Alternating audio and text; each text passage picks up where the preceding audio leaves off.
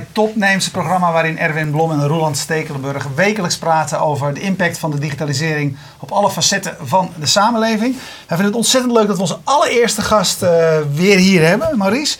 Vorig jaar ergens in mei was het. Ja. Uh, we proberen het nog steeds een beetje simpel te houden, maar misschien weet je toen nog dat we van die USB-cameraatjes van 30 euro hadden. Dat was eigenlijk net ietsje te, eh, te klein, te krakkemikkig. Maar we wilden je toch wel even, even laten zien dat we, ook wij doorgegroeid zijn. Maar groter moet die worden. Ja, maar het was echt de allereerste pilot-uitzending. Dus ik weet niet of iemand hem gezien heeft, maar... Ik was ooit ook een keer bij de eerste uitzending van eh, Paul de Leeuw in Rotterdam. Toen keek ook bijna niemand. Ergens in 1992. Dus je zit ergens in een boekje van voor de eerste uitzending, eerste Maurice. En ook wel eens bij de nulopname, maar die worden nooit uitgezonden. Dat heb ik ook in ieder geval hartstikke blij dat je er weer bent. Ja, het leuke is, eh, we hebben, het- eh, toen ging het voor een belangrijk gedeelte over marktonderzoek, et cetera. Daar gaan we het vandaag niet over hebben. En vandaag gaan we het met jou hebben eh, eh, over...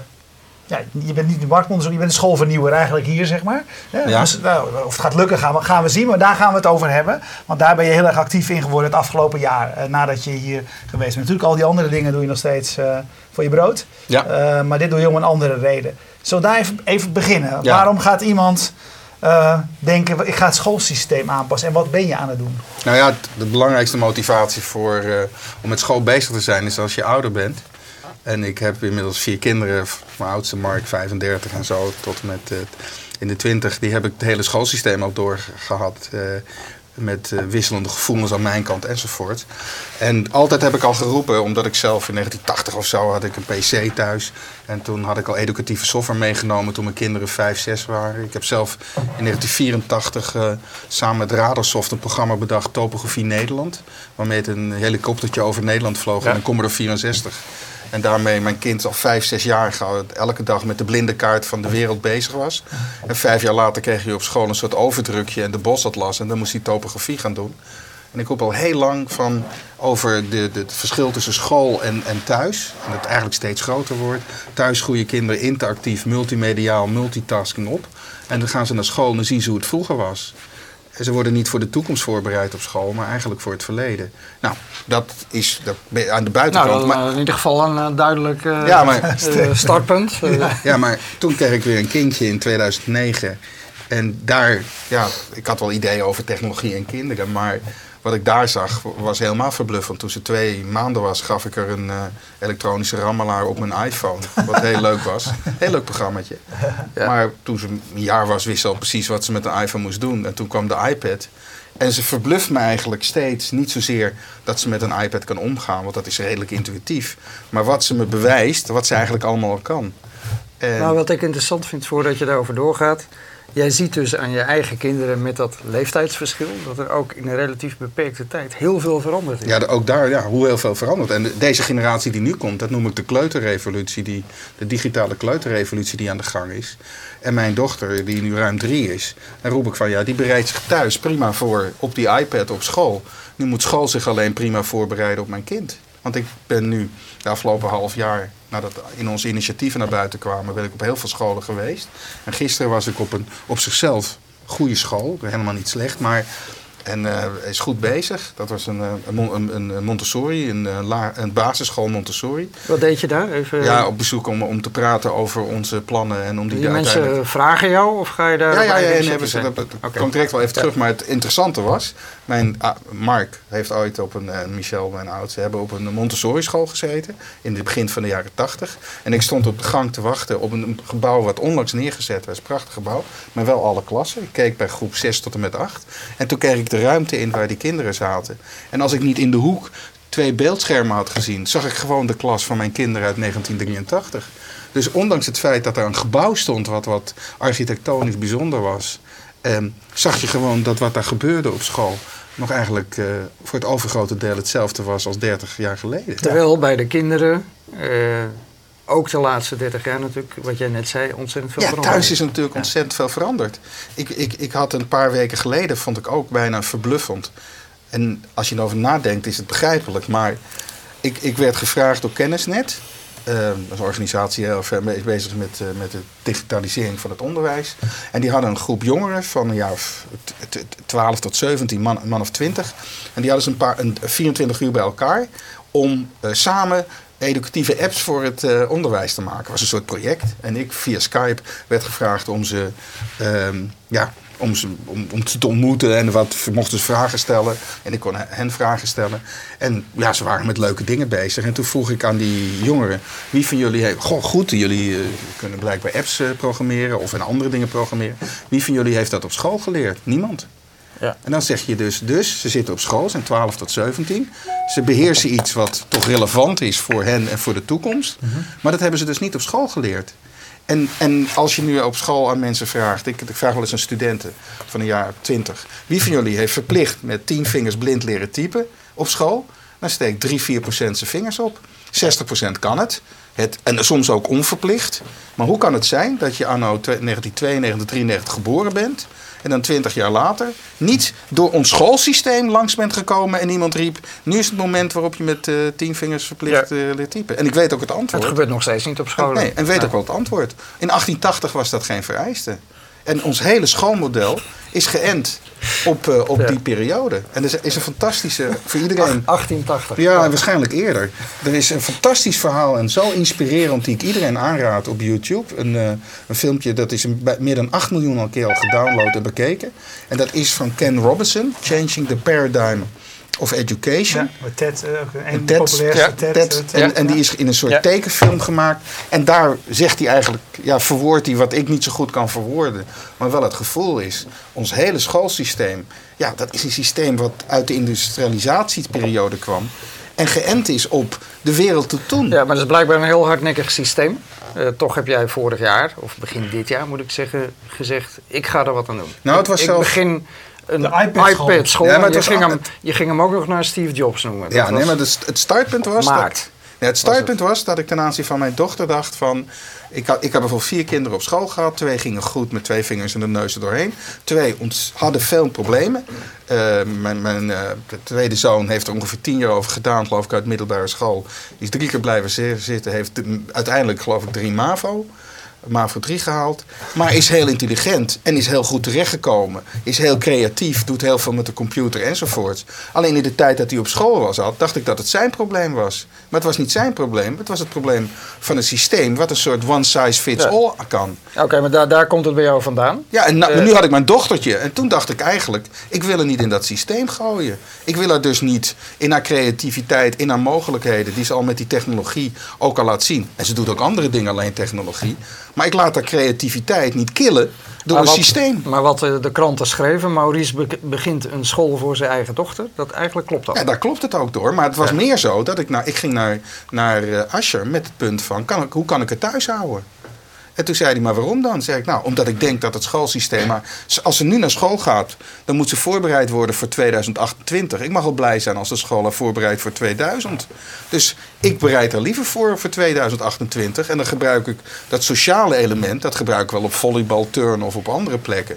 En toen zei, toen zei hij, nou, daar heb ik meer over verteld. En wat ik dacht, hoe een school wel zou mo- moeten werken. En toen zei hij, zou het dan niet beter zijn als je probeert zo'n soort school op te zetten? Want daar biedt de, wet mogelijkheid voor. En ik kan kijken of ik je daarbij kan helpen. Nou, dat was, dat was een jaar geleden. En toen heb ik, eh, dacht ik, nou, lijkt me een leuk idee, maar ik ga het niet alleen doen. Ben ik op Digischool terechtgekomen. Ja, jarenlang ook al bezig zijn met een beetje in dat, die richting. Uiteindelijk met een viertal hebben we een soort aanpak gedefinieerd, O4 en T genaamd. En toen weer teruggegaan naar Lodewijk Asscher in februari. En dat hebben we eind eh, maart zijn we toch gekomen, ook in de wereld uit door, gezegd... wij willen een school die ervan uitgaat dat alle leerlingen over een iPad beschikken. Op een basisschool is dat de beste keuze eh, op dit moment. En dat je gewoon de rest van de school inricht. Niet doordat je alleen zegt van alles wat ik doe, doe ik via een iPad. Maar als een iPad bestaat, dan, dan kan je een behoorlijk aantal dingen op die school anders organiseren. En zeker niet frontaal onderwijs in een soort klasformaat. Wat kritiek was inderdaad, en je geeft het eigenlijk zelf wel een beetje aan. Jij begint bij, met de techniek als oplossing. Ja, maar dat, dat is een zo'n makkelijke eh, soort kritiek. Je moet niet bij het middel, maar je moet bij het doel beginnen. En dan roep ik altijd, als ik zit na te denken over een achtreis- achtdaagse reis naar Mexico... dan ga ik er impliciet ook vanuit dat er vliegtuigen bestaan. Want anders kan ik niet denken over een achtreis- achtdaagse reis. Dus het is een twee-eenheid. De twee-eenheid is technologie technologie is er. En niet van we hebben tien iPads op school, daar kunnen we ook wat mee doen. Of zes computers of zo. Want dat is zoiets van, als je op school bent en zegt nou de helft van mijn leerlingen spreken Engels, dan heb je er niks aan. Als je zegt al mijn leerlingen spreken Engels, dan kan je je school ook mede organiseren op het feit dat ze allemaal Engels spreken. Dus als je alle leerlingen over een één instrument beschikt, en ik denk bij een basisschool de iPad daar op dit moment veruit de beste is, dan kan je op heel veel punten de school anders organiseren. En dat betekent niet alleen Maak het dat. dan eens heel concreet. Hoe, Hoe ziet die school eruit? Nou ja, het belangrijkste is, school bestaat dus uit twee belangrijke componenten, zoals het bedrijven ook bestaan. Namelijk de fysieke component en de virtuele Ja. component. De virtuele component is 24 uur per dag, 7 dagen per week open. En kunnen kinderen met elkaar en in samenwerking aan projecten bezig zijn. Op school hoef je een aantal dingen niet meer expliciet te doen. En wat je zeker niet moet doen, want dat is eigenlijk iets wat in de jaren, eh, laat ik zeggen in de 19e eeuw is ontstaan. Klassikaal frontaal onderwijs is niet een optimale manier van onderwijs, maar was het onderwijs wat je met 50, 60 leerlingen per klas, de enige manier waarop je dat kan doen. Maar dan ben je wel bezig met one size fits all. En, Ja. en ieder kind heeft eigen talenten en ieder kind kan zijn eigen talenten ontwikkelen, waarbij je natuurlijk ook moet kijken wat een aantal basis eh, kerndingen die je ook moet bereiken. Maar wat wij hebben in het huidige systeem, is dat ieder kind als het ware binnen een soort eh, cohort moet blijven. Want als een kind heel goed in rekenen is, dan op een gegeven moment, nou, nu moet je even stoppen, want de rest van de klas kan je niet bijhouden of de rest van de groep. En wat wij zeggen is, ga je nou verder, verder ontwikkelen in, in dat geheel. Doe, ga vooral vanuit projecten eh, mee aan de gang. Ga met dingen bezig die je leuk vindt. En probeer. eh, eh, interesseert en boeit. Je kan bijvoorbeeld het project Champions League. Maar met Champions League kan je ook zeggen van uit welke landen komen de spelers? Wat, waren de hoofd, wat zijn de hoofdsteden? Wat zijn de gemiddelde aantal doelpunten wat ze gescoord hebben? Ja, en dat, als je, weet, dat weet jij allemaal uit je hoofd. trouwens. nee, dat hoeft niet. Maar dat kunnen die kinderen dan. Als ze dat een als leuk voetbal, onderwerp vinden. als voetbal eh, van Maar, maar je kan dus veel individueler, veel meer in groepjes werken. En je kan kinderen veel meer de ruimte geven in een ontwikkeling door te gaan omdat je niet een soort. eh, alleen maar ik, ik ben als leraar een les aan het voorbereiden. En dat is het moment waarop jij dat moet leren. En dan hebben we dan een, een repetitie of zo. En dat is het moment dat je het moet weten. Dat je het een dag later niet meer weet, maakt niet uit. Maar als je dingen doet die je op dat moment interesseert en boeit, dan gaan er twee dingen gebeuren. Het, het, het beklijft veel meer. En je gaat ook veel harder bezig om nog aanvullende dingen te vinden rondom dat onderwerp wat je interesseert. En nu is het mooie, dat was eigenlijk bij wijze van spreken het ideaal altijd. Maar ik zat op een school met meer dan 50 leerlingen per klas. Ja, je kon toch niet anders dan het collectief doen. En nu kan je door die technologie zorgen dat dat individuele veel beter kan. En als je bij elkaar waarom, bent... waarom focus je dat nu op de iPad? Want eigenlijk wat je nu zegt kan al best lang. Gewoon met een laptop of een computer. Ja, maar dat is nee, de laptop. Nee, maar het grote verschil is, de laptop is, eh, en ik bedoel, ik ben zelf iemand die ja, vanaf 1980 al die apparaten gebruikt en mijn kinderen ook heel vroeg mee laten gebruiken.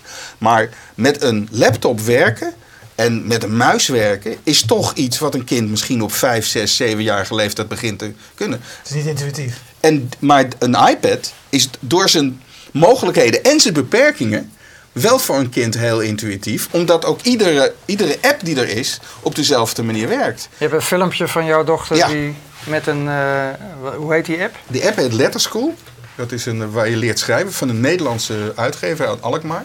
Ja. Die heeft, wint ook de grootste prijs in Amerika. En mijn kind was nog geen drie.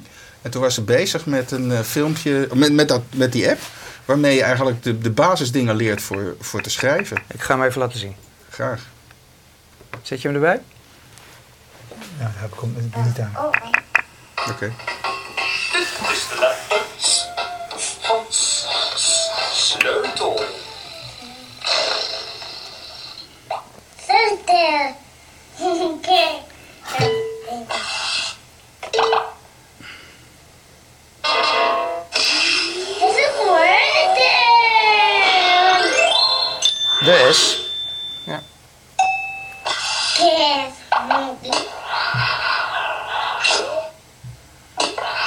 volledig zo gedaan. Ik heb het niet geknipt of zo. Ja, het is gewoon een one take. One take. Ja. Kunnen we er doorheen praten, Peter? Oké. Wat, wat gebeurt hier, eh eh Maurice? Nou, je, leert, je leert in drie, sta- in drie stadia leer je gewoon de essentie van, van vormen om te schrijven. Want je kan hoofdletters, kleine letters, cijfers. En al die letters kan, kan ze uit kiezen. En ze krijgt, ja, in, ze, ze kan absoluut nog niet lezen. Nu ook nog niet. Toen was ze nog geen drie. Maar ze, ze leert wel de vormen van letters. En hier gaat ze proberen die uiteindelijk zelf die letter te vormen. En wordt ze geholpen door het programma. Ja. Daar, om te zien wat, wat er gebeurt. En uiteindelijk wordt ze ook weer beloond. En wat ik ook altijd heel leuk vind, er wordt altijd gezegd, ja, jongeren kunnen zich zo slecht concentreren, weet je. Maar bijvoorbeeld, en dat vind ik altijd onzin al, hè. Jongeren kunnen zich slecht concentreren bij dingen waar ouderen zich kunnen Nou concentreren. ja, of wat is niet interesseren. Waar ze niet interesseren. Maar als mijn dochtertje achter haar iPad zit en dit soort dingen aan het doen is, is ze gewoon een half uur of een uur zoet. Dus ze kunnen zich prima concentreren, alleen niet concentreren waar de ouderen Ja. zich op concentreren. Maar dit, hier is ze speel- spelenderwijs bezig om de vormen te leren van letters. En S, de, de uitgevers, het is eigenlijk gericht voor kinderen van 4 tot 5. Eh, maar ze zeiden, die zeiden ook, de S is een van de moeilijkere letters. Nou, die deed zij al voor het derde. Ja. En wat je hier, hier eigenlijk ziet, en het kan het, ik kan het laten zien met vormen, ik kan het met rekenen, ik kan met heel veel dingen laten zien, hoe ze spelenderwijs met dingen bezig is. En dat is toch weer iets heel anders dan de generatie daarvoor. Dit, dit is een, pe- de, de- op veel jongere leeftijd. En het interessante is, is nu drie jaar en vijf maanden. Twee maanden geleden, mijn vrouw was op, op de desktop thuis aan het werken. We hebben Windows machines thuis. En, en alleen de, Jij en de- ook zelf? Ja, zelf ook. En waarom? Dat, dat vind ik een soort religiediscussie hiervan. Maar kom ik ook. Dit is mijn waar geloof. Maar goed, en, dan, eh, en daarnaast had, stond een, een laptop open en mijn dochtertje ging daar zitten. En die begon op die touchpad eh, bezig en zag toen op het scherm de, de, de muis, eh of de cursor. En snapte al wat dat, eigenlijk, dat het eigenlijk hetzelfde was als touchscreen. En toen drukte ze ook op een knopje en startte gewoon een, een applicatie. Ja. Dus, dus daar zie je ook hoe, hoe, dat, hoe dat gaat. Ja. Een paar eh, reacties eh, die langskomen. Ehm, Jan van der Sluis eh, die vraagt zich eh, begin af: hè, wie is- kan je de toekomst leren? Want jij zei, hè, kinderen moeten voorbereid zijn. Je leidt ze eigenlijk op voor, voor, voor, voor, eh, voor een verre toekomst. En ik pak even zijn andere vraag erbij. Wat is de functie van, eh, van onderwijs? Is dat uitsluitend kennisoverdracht? Of is dat ook anders als stil moeten zijn of in een groep moeten zijn? Wat de, de, je zou kunnen zeggen, de sociale functie van school is ook een belangrijke. Ja, maar dat vind ik nou een hele leuke. Ik- de sociale functie vind ik heel belangrijk. Maar is de sociale functie vooral dat je achter elkaar in een, in een groep zit en alleen naar de rug kijkt van iemand en even stil moet zijn omdat iemand wat vertelt? Als je dan met elkaar bent, probeer dan die sociale functie dan heel erg uit te nutten. En met elkaar bezig te zijn. Ik vind een mooi voorbeeld. Er is een televisieprogramma dat heet Over de Streep. Eh, waarin ze met jongeren van een jaar of 15, 16 uit klasse gaan ze met Amerikanen gaan ze erin en proberen dan elkaar heel erg te leren kennen. Dan blijkt een kind die heel gepest wordt thuis het heel moeilijk te hebben enzovoort. En wat is het opmerkelijke? Als ze dan door die techniek zien wat er allemaal met dat kind thuis aan de hand is, dan, dan hebben ze veel meer begrip voor elkaar. Maar ze zitten al jarenlang met elkaar op school. Ja. Dus blijkbaar als we roepen van we zitten op school om sociale dingen met elkaar te doen, die doen we helemaal niet. Nou, dat doen ze alleen op schoolplein, maar, Ja. maar niet in de klas. Maar dan zeg ik van, als je dan bij elkaar bent, probeer dan dat moment uit te nutten. Om, om dan inderdaad met elkaar bezig te zijn. En niet ehm gedwee te kijken of iemand je wat vertelt. Met Ja. nog een aspect. Want dat vind ik ook interessant. Ik denk dat heel veel kennis, als je die over op wil dragen, vaak, laat ik zeggen, er een, de, de, de, best practice bijvoorbeeld is. Bijvoorbeeld Een tijd geleden was bij de Wereldrijd Door, was Robert Dink, die professor, eh, die, Dijkgraaf. Dijkgraaf, die een, eh, vertel- een verhaal van drie kwartier geeft over de Big Bang. Dat was echt geweldig. Maar dan denk ik van, ik denk dat geen leraar op school dat zo goed uit kan leggen als Ja. die man. Toon dat dan in plaats van dat je een zwak aftreksel krijgt van iemand. Plus dat je dan ook tijd en plaats onafhankelijk bent. Ja, nou, nou, nou heb je dit idee in maart gelanceerd, gelanceerd. eh, samen met Lodewijk Asscher. Toen zei je, augustus 2013, dat is dus volgend jaar, volgend schooljaar, moet dat open. Eh, gaat dat lukken? Ja, wat, wat er gebeurd is, we hebben ontzettend veel mensen op ons afgehaald die af het een goed idee vonden. Vooral mensen, wie het vooral, ik heb ook onderzoek erover gedaan, mensen die geen kinderen thuis hebben met dit. Eh, die vinden, twee van de drie vinden het eigenlijk raar, de iPads gewoon enzovoort. Ja. En kinderen, mensen die met eh, onder de acht, het kinderen onder de acht met die tablet thuis, die vinden drie van de vier vinden het een prima idee. Nou, die hebben we echt op ons afgekregen. Daarnaast hebben we ook nogal wat onderwijsvernieuwers gemaakt. Er zijn echt op verschillende plekken zijn al mensen bezig. Vooral die met het aspect talentontwikkeling. De Sterrenschool is daar een goed voorbeeld van. En nog een paar andere. Weliswaar niet met de technologiecomponent zoals ik denk dat die ook zou kunnen. Maar toch ook al bezig. Dus hebben diverse onderwijsvernieuwers hebben zich eh, op ons eh, afgezet. Er zijn gemeentes gekomen. Er zijn schoolbesturen gekomen. En zoals het er nu zit, gaat er niet alleen een aantal scholen open die eh, in de richting van zoals wij echt denken dat het zou moeten kunnen. Maar ook dat er nogal wat scholen zijn die die, die weg in willen slaan. En Ja. zeggen van ja, wij kunnen niet in ene zo'n school maken, maar help ons. Ja, of begeleid en, ons. Of en, en daar raak je natuurlijk wel een heel groot probleem. Zelfs de scholen die op dit moment wel zouden willen. De financiering van het onderwijs is natuurlijk dramatisch. Ja, maar er, dat- er is geen enkele school eh, die eventjes eh, 123 Onzin. iPads eh, kan kopen. Onzin. Hoe, hoe wil je dat dan Nou, ik, nou, ik kan een goed voorbeeld hebben. Wat, er- wat er gebeurd is, en dat is het interessante. Ik ben ook heel veel uitgenodigd en door het hele land heen geweest. Ik heb er heel veel scholen bezocht. Maar ook scholen waar al bijzondere dingen gebeuren. Nou, het Hondsrug College in Emmen. Daar raad ik iedereen aan. Ga daar nou eens kijken. Voortgezet onderwijs. VMBO tot lyceum. Wat hebben ze daar drie jaar geleden, tweeënhalf jaar geleden gedaan? Alle brugklassers kregen een iPad. En een jaar daarna ook alle brugklassen. Dus inmiddels tot en met klas 3 hebben ze een iPad. 1100 van de 2000 hebben nu een iPad. We hebben school geweest en ze hebben software gemaakt om dat helemaal in te integreren. Nou, die man vertelt me dat hij normaal aan leermiddelen 300 euro per jaar per leerling kwijt is. Want al die leermiddelen ook van uitgevers kosten veel. En dat hij nu, nu hij een iPad heeft, kan hij met 150 per jaar eh, volstaan. Nou, een iPad kost per jaar geen 150. Dus hij is al per saldo, kan hij goedkoper opereren dan een normale school. Het is alleen, je moet de knik maken. En wat ik vooral veel merk is dat heel veel mensen komen vooral met bezwaren. Dat het niet zou kunnen of dat de inspectie het niet zou willen of dat enzovoort. Maar het Maar blijkt... op, een arme lagere school, een gewone normale lagere school zonder extra fondsen, het eh, gaat niet over extra is, fondsen. is dat soort geld niet eh, beschikbaar. Hoor. Nou, dat, ik denk dat dat. eh, kijk, het punt is, je moet het met elkaar willen en de ouders moeten ook willen. Ja. Maar als je gewoon naar de financiën kijkt, dan moet het kunnen voor minder dan 10 euro per maand per leerling, beduidend minder.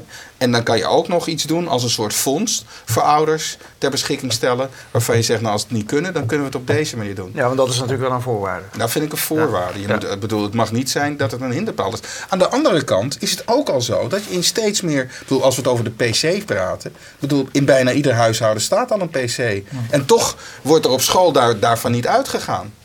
En, En erger nog, dat moet je, inderdaad, wij, wij moesten eh, twee jaar geleden voor onze twee kinderen, terwijl we echt heel veel computers thuis hebben, nog weer twee extra voor iedereen een computer kopen, omdat die dan allemaal dezelfde computer op die school Ja. moeten hebben.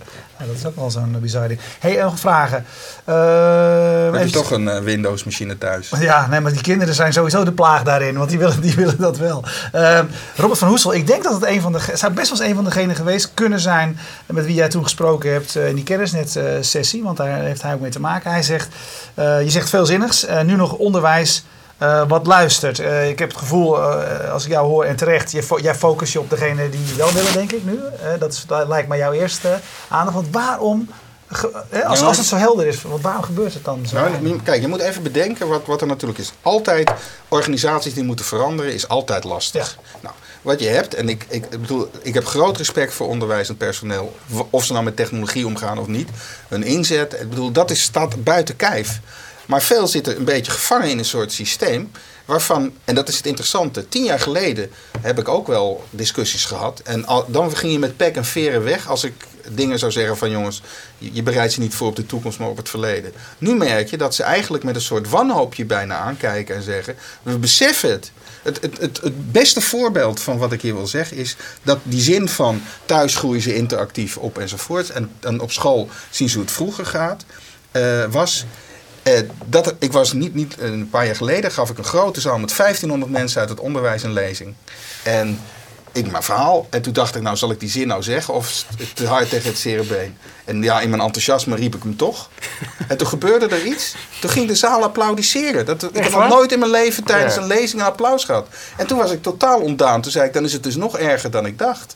Ja. Ik bedoel, als jullie applaudisseren bij zo'n zin. Met andere woorden, ze weten het allemaal. Ze weten het ook, maar ze, Ja. me- ze willen ook anders. Veel van die mensen zeggen we willen ook anders en we willen de ruimte ook krijgen. We weten alleen niet de manieren. Maar het blijkt, ik bedoel, vijf tot tien jaar was er veel meer weerstand daartegen dan nu. En mensen, die, ja, ze zien toch ook om zich heen. Ze zien toch hun, hun kinderen of hun neefjes of hun buren. Ze zien dat die digitale wereld Ja. hoe die omgaan gaat. Heel interessant is, elkaar- is ook interessant om te zoeken. De, sinds het jaar 2000 in Amerika is er iets wat noemen ze de 21st Century Skills. Eh, en dat is gedaan door een combinatie van bedrijven, maar ook onderwijs en ministeries. En dat wordt, dat wordt heel erg, dat is mediakennis, eh, creativiteit, samenwerking. Dat zijn een aantal elementen. En dat, dat wordt er heel erg bevorderd. En in Nederland zijn ze er ook over gaan praten. En daar zitten bijvoorbeeld ook een paar hele deskundigen in, bijvoorbeeld in Twente, Universiteit Twente. En wat blijkt er dan? Dan zijn ze hier in Nederland alleen maar aan het praten. Oké, dat zijn dan een, een nieuwe bevoegde curriculum. Maar moeten we dat nou naast reken en taal of in plaats van dit of daar? En daar zijn dus 10, 12 jaar over aan het praten en eigenlijk nog niet geïmplementeerd. Alleen de 21st century skills, die worden wel geleerd, maar die worden dus buitenschool geleerd en niet op school. Maar dat is toch raar, dat je school voor dingen die ook heel belangrijk zijn voor de toekomst, irrelevant wordt. En bijvoorbeeld Ja. een mooi ander voorbeeld, laatst een moeder. Want ik spreek er natuurlijk veel over. Die zegt, nou, ik heb een kind die zegt heel veel met de PC bezig, acht jaar. Die zichzelf een Italiaans aan het leren thuis op zijn PC. En die wil niet meer naar school, want hij heeft ruzie met zijn lerares. Want hij moet mooi schrijven en dat kan hij niet. En dat wil hij ook niet. Want hij zegt, waarom moet ik dat nou doen? En die is Italiaans aan het leren en wil niet meer naar school. Omdat Ja. zijn lerares vindt dat hij mooi moet schrijven. Nou ja, daar zie je gewoon de wereld van, van, van de, de jeugd zoals die thuis ook is en, en buiten de school. En het conflict met de school. Maar je merkt echt, dat, dat is mij ontzettend meegevallen, is dat, dat er ontzettende basisgevoel is, jongens. Ja. Er moet echt wat veranderen. Hey Maurice, heb je, ik heb het vorige keer volgens mij ook over gehad. Ja, heb, heb je nou het idee, want soms, jij bent bent altijd geneigd dingen nogal extreem eh, te stellen. Bijvoorbeeld nu over dat schrijven, hè? dat roep je ook heel vaak. Waarom zou je nog leren schrijven? Terwijl je weet, nee, dat heb ik niet gezegd. je- nou mooi leren schrijven. Waarom zou je mooi leren Ja, schrijven? maar je weet dat je, als je echt wat wil bereiken, dat je hiermee eh, 60, 70 procent van de mensen tegen het zere been schopt. Want die vinden dat allemaal belangrijk. En je moet toch op een whiteboard, eh, als je een presentatie doet of op een flip over, moet je toch leesbaar eh, kunnen schrijven. Is dat nou effectief om je doel te bereiken? Ja, ik, denk dat het, ik denk dat er genoeg mensen zijn die zoete broodjes bakken. Dus als ik dat ook nog doe, dan hoef ik het helemaal niet te doen. Ik kan beter zo duidelijk mogelijk en zo... Maar vind je dat ook echt? Vind Ja, ik jij- vind het ook Jij echt. vindt echt dat men Nee, maar ik vind het schok, scho- schokkend. leesbaar schrijven Nee, maar vind ik vind het, nee, wat ik schokkend vind is dat ik die groep jongeren die ik daar ontmoet, die iets zijn aan het doen zijn wat voor hun toekomst heel belangrijk is, en dat ze allemaal zeggen, dat heb ik dus niet op school geleerd. Ja.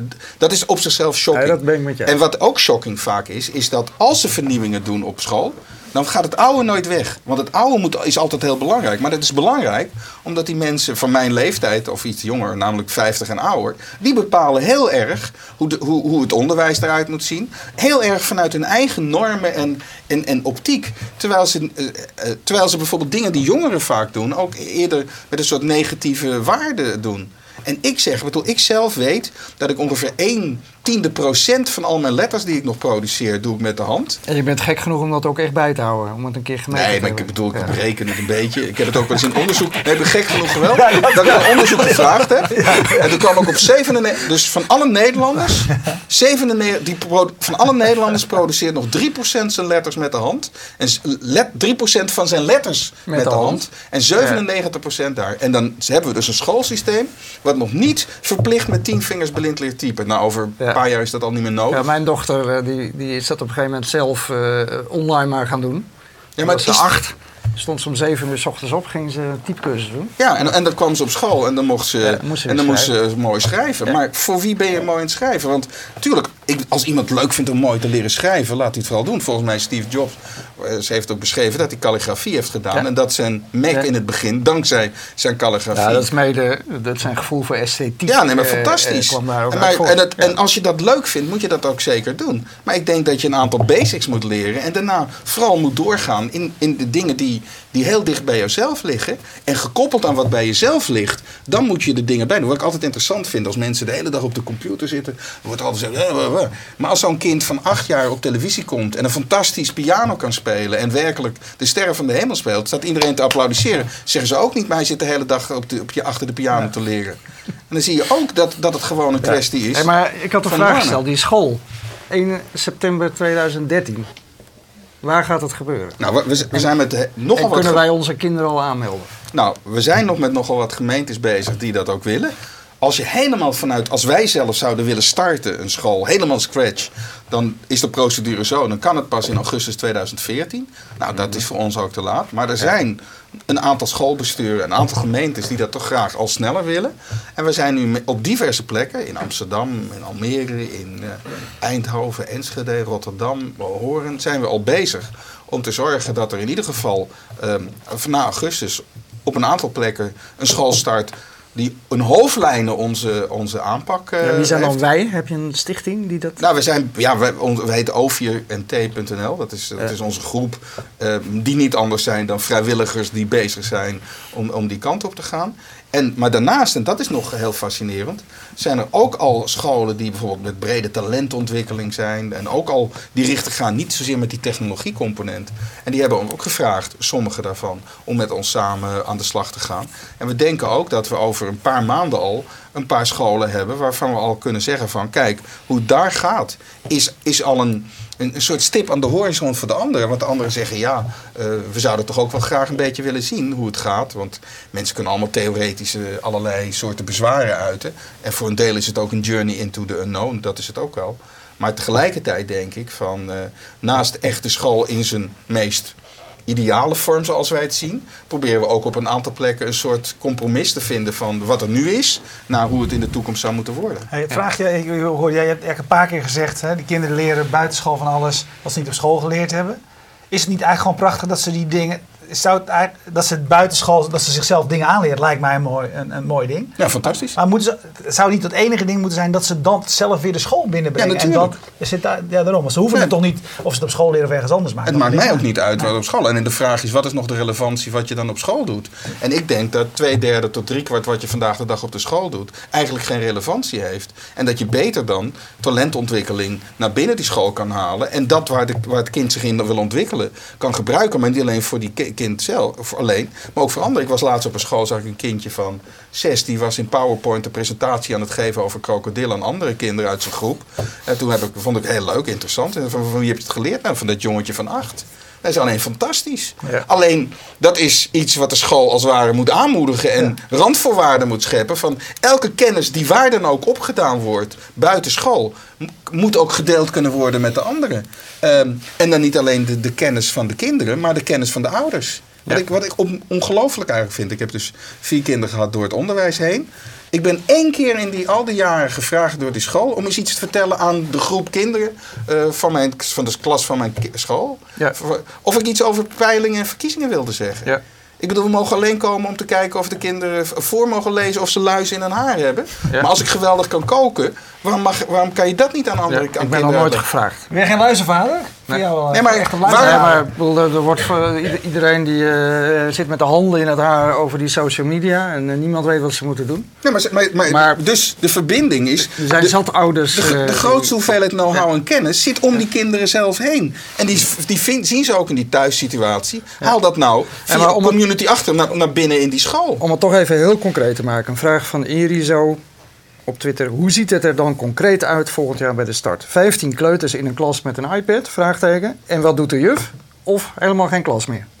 Nou, in de eerste plaats is het principe van de klas is niet meer het goede. Dus, Dus, als je zit... geen klas meer. Nee, je zit niet in een klas met daarvoor een juf die jou al dan niet wat Er is vertelt. ook geen juf meer. Je hebt wel een juf, maar die heeft meer de, de coachachtige aspecten. Ja. En, en, eh, en je zit ook met wat... Maar probeer ons eens mee te nemen in die nou, school. de eerste je je plaats- komt binnen. Nou, nee, nee, nee, nee, maar de school is zowel een virtuele component als een fysieke component. Ja. Nou, dat betekent dat als jij op een bepaald moment op de Maar we school... focussen even op die, op die fysieke component. Oké, maar, dat is Ja. maar dat is maar een derde van de school. Dat moet je wel even realiseren. Ja, dat realiseer nou. Als je dus op die school komt, bijvoorbeeld, je mag bij ons op school, eh, is de openingstijden tussen half acht 's morgens en half zeven 's avonds.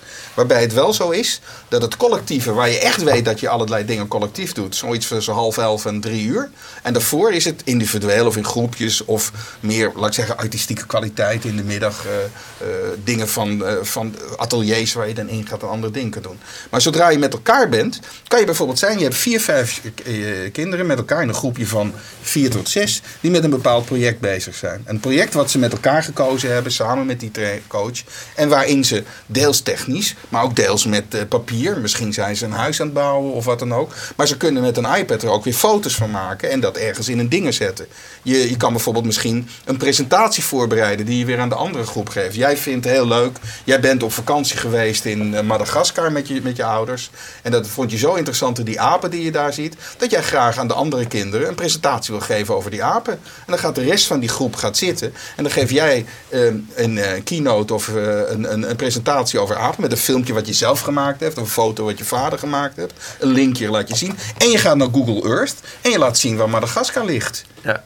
Dan ben je En- dus, en- en dan gaat het er niet om. En toch, dan ga ik even de kritiek echo die je hoort. Ja? Het is allemaal ongelooflijk elitair.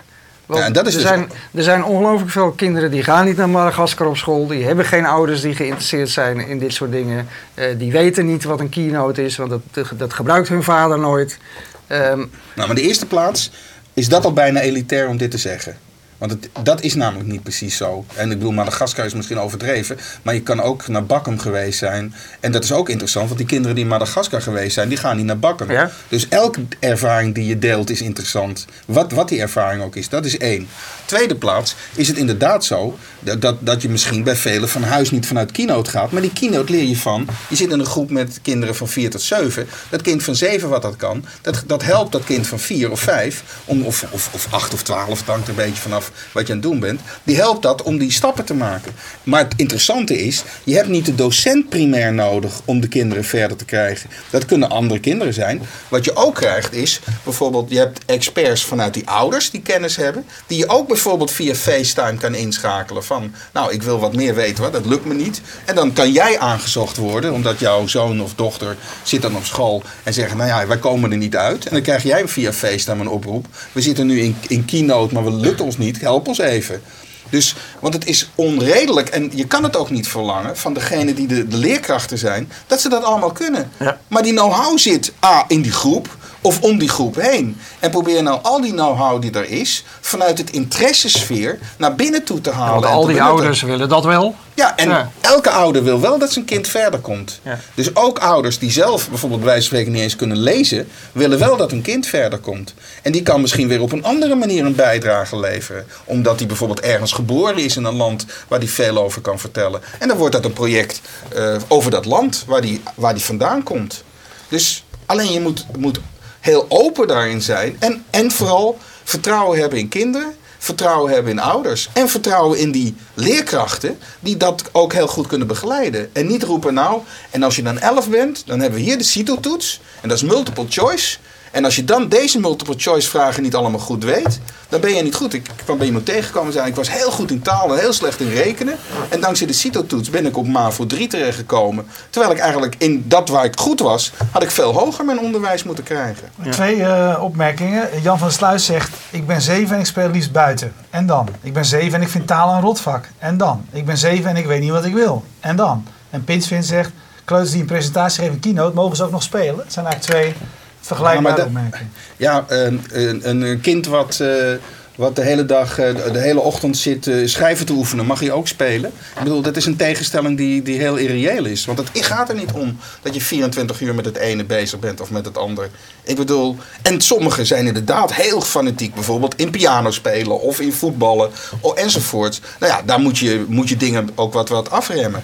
Maar ehm, wat je merkt vaak, juist die kinderen, en ik ben in heel wat scholen geweest, die kunnen geenthousiasmeerd worden door een, een, een, andere kinderen in de klas. Die of in groep. Die kunnen geenthousiasmeerd worden door een leerkracht die ze stimuleert. Oké, wat vind jij leuk? Voetballen? Nou, dan gaan we rondom een voetbalproject verder. Het, het, het, het grote eh, fictie die we eigenlijk doen, we zeggen van, weet je wat? Als wij vandaag vinden dat ze moeten leren rekenen en moeten vermenigvuldigen, en dat gaan we de komende drie maanden doen. Als wij dat maar geven en maar doorrammen, dan komt het wel goed terecht. Waarvan ik denk, als ze op dat moment er niet aan toe zijn of niet in geïnteresseerd zijn. Nou, misschien proberen ze nog even een cijfer te halen en daarna zijn ze het kwijt. Maar als je het op een moment kan brengen waarop zij eraan toe zijn of het graag willen, dan gaat het dus in een factor vier keer zo snel. Ja. Ja. Helemaal, helemaal eens, maar het punt blijft denk ik staan, wat Jan ook zegt is, wat... eh, eh, Welke Jan die buiten staat of Jan Ja, die, nee, die zit? Of Jan ben, ik die... ben zeven en ik speel liefst buiten. En ja, hij is, hij is af van al, hij is zeven. Nou, hij kan in ieder geval goed twitteren. Hij kan in ieder geval goed twitteren. Hey, als ik jou zo hoor praten, eh, Maurice, dan zit ik me wel af te vragen... waar komt nou die, die, die passie vandaan? Bedoel, Dat gaat achtereenvolgens bij jou. eh, politiek, dat kennen we. Als we nu over de politiek beginnen en wat daar aan moet verbeteren... Nee, niet met dezelfde ook weer zo'n verhaal. Gewoon verbeteren wel, ja. Ja, nee, verbeteren. Ja. De, de, de, Democratie, de en toekomst het van de democratie, van techniek om eh, de democratie eh, naar Ja, nou, die Daar hebben we het de vorige keer Ja. over gehad. En eh, dan kan je net zo eh, uit je dak gaan. Soms ga je eh, over klusjesmannen eh, heel lang. eh, Kan ik ook een hele dag Kan aan ik ook. uitzending aan besteden. Ja. nu is het onderwijs. Eh, wat komt hierna? Nee, kijk, Wat mij, ik had toevallig vandaag een, een, een, een lezing over de Erasmus Universiteit en dat ging over bevlogenheid in het onderwijs. En toen begon ik te denken, wat, ook vertellen waar mijn bevlogenheid vandaan komt. Nou, mijn bevlogenheid komt, en ik weet precies het moment, december 1965, toen ik gewoon student was hier in Amsterdam. En het was eh, heel weinig college en heel saai in het eerste jaar. En toen heb ik geleerd om, eh, heb ik me opgegeven via Folia Civitatis om te leren hier vlakbij. Ja. Eh, in het Mathematisch Centrum heb ik geleerd programmeren. In Algol 60 aan een computer. dat was nog een, een, een- een soort telexband moest ik dat doen.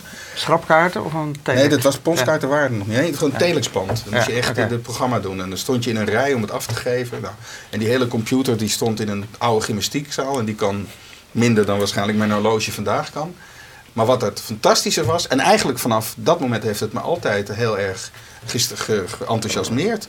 Ik heb wel vrij snel doorzien dat eigenlijk hoeveel grote veranderingen in de maatschappij en de samenleving daardoor kunnen ontstaan. En mijn enthousiasme zit juist in. Er zijn zoveel nieuwe mogelijkheden die er voortdurend zijn. En de komende tien jaar gaat er nog meer veranderen dan de afgelopen 15 jaar. Dat, ja, het is toch wel fantastisch om in deze tijd te leven. En vooral kijken van wat kan je ermee en wat kan je, er, wat, wat kan je ervoor gebruiken voor jezelf en ook voor anderen. En als ik dan zie, en met name als ik dan nu zo bij jongeren, hoe ze nu bezig zijn met, met ook die nieuwe technologie. Dan denk ik, jongens, we plegen eigenlijk verraad aan jongeren om, om ze in een school op te sluiten. En ik zeg het nu even wel gechargeerd. Maar daar, ja, wat merk je? Kinderen zeggen vaak, het is saai. Ze worden niet gestimuleerd. Ze zitten in een soort one size fits all. Terwijl hun eigen mogelijkheden onbegrensd zijn. En dat je dan alleen de thuissituatie moet gebruiken om optimaal van je talenten gebruik te maken. Ja, dan hebben we iets, zitten we iets heel verkeerds te doen. Ja. En dan zeg ik van, ga dan net zo goed niet naar school. Ja, maar dat mag niet van de wethouder. Nou, een hele bijzondere omstandigheden mag. Eén laatste vraag, wat op zich wel interessant is, want jij, jij, jij praat Weer nu eventjes. Ja, maar het is, eh, hij is, hij is, goede, luisteraars, bezig. goede luisteraars hebben, eh, krijgen de credits. Prima. Ja, eh, hij zegt, eh, dit gaat heel erg eh, nog over de, over de lagere school. Eh, geldt eigenlijk wat jou betreft het, hetzelfde eh, voor de middelbare school? Of Ja. spelen daar andere zaken? Nee, maar het voor voortgesteld onderwijs geldt precies hetzelfde. Ik denk dat we veel meer. Nou, kijk. Laat ik zeggen, de wijze waarop de school is gevormd, is, is, een, is een resultante van de technologie van, van 100 jaar geleden. En toen moest je het onderwijs zo organiseren. Ik, ik zat in een klas met 50 leerlingen. Hoe hadden ze het anders gekund om 50 leerlingen überhaupt les te geven? Dankzij die technologie dankzij een wereld die veel, veel meer kanten op gaat en veel meer mogelijkheden biedt, heb je veel meer de ruimte om jezelf te ontwikkelen naar gelang je eigen talenten en je interesses. En dan moet je niet naar een one-size-fits-all-achtig systeem. Dan moet je enablen, empowerment noemen ze dat, om, om die ontwikkelingen door te maken. En vertrouwen hebben ook in je eigen systeem. Dat je mensen kan, wat richting kan geven, enthousiasmeren, kan uitdagen. Maar als ik dan kinderen heb, of leerlingen heb, die fantastisch kunnen programmeren. Haal dan hun know-how en kennis naar de rest van de groep om die te enthousiasmeren. En als dat wat voor jou is, geef je dan de kans. En zeg niet, nou ja, maar nu heb je het uur Duits en over een uur heb je Frans en daarna heb je dit. En dan moet je ook nog twintig boeken lezen, waarvan drie uit eh, voor voor 1500 en zo. Ja, gaan, we het nog, gaan we het nog meemaken dat Maurice de Hond eh, zelf voor de klas gaat staan? Of als coach op de eerste Steve Jobs school groepjes Ik zal, ik zal zo lang mogelijk proberen een coach van mijn dochter te zijn. Ja. En ik hoop dat dat in aansluiting is met school. En als die school daar niet, eh, niet eh, goed genoeg voor is, dat heb ik wel geleerd met mijn vorige kinderen. Ik ga niet mijn kinderen kwalijk nemen als het niet goed gaat op school. Ik neem het de school kwalijk, omdat hij zich niet aanpast aan de mogelijkheden en kwaliteit van mijn kind. Dus als Ja. ik doe, dan hoop ik het dat ik het alleen maar voor mijn dochter moet, omdat de school het goed genoeg doet. Maar als het op school zou moeten, zou ik het heel graag doen. Als een betrokken ouders kan ik, wil ik graag mijn know-how en kennis ten dienste stellen aan anderen op die school ook. En ik hoop dat, en ik niet hoop, ik ben ervan overtuigd dat er veel ouders zijn die dat ook willen. Dankjewel. Prachtig verhaal. Eh Thierry van der Mortel verzorgt altijd een vier minuten samenvatting van deze uitzending. wordt een flinke- ik wens hem veel, succes en wijsheid. Maar hij leert daar heel veel van, zegt hij elke week weer. Dus dat is een, eh, dat is een mooi ding. Ehm, kijk je live, blijf dan kijken. Want we spreken straks ehm, met Jelmer Evers. En die eh, is nu in de praktijk bezig als leraar. En vertelt hoe hij dat doet. En als je on demand kijkt, dan weet je dat je die uitzending ook nog elders kunt vinden. Eh, nou ja, dit was eh, weer een topnames. Zo- Zoals gezegd, wij gaan hier live zo verder. Maar voor degene die on demand is, bedankt. Dag. Zoontje, vraagt hem altijd.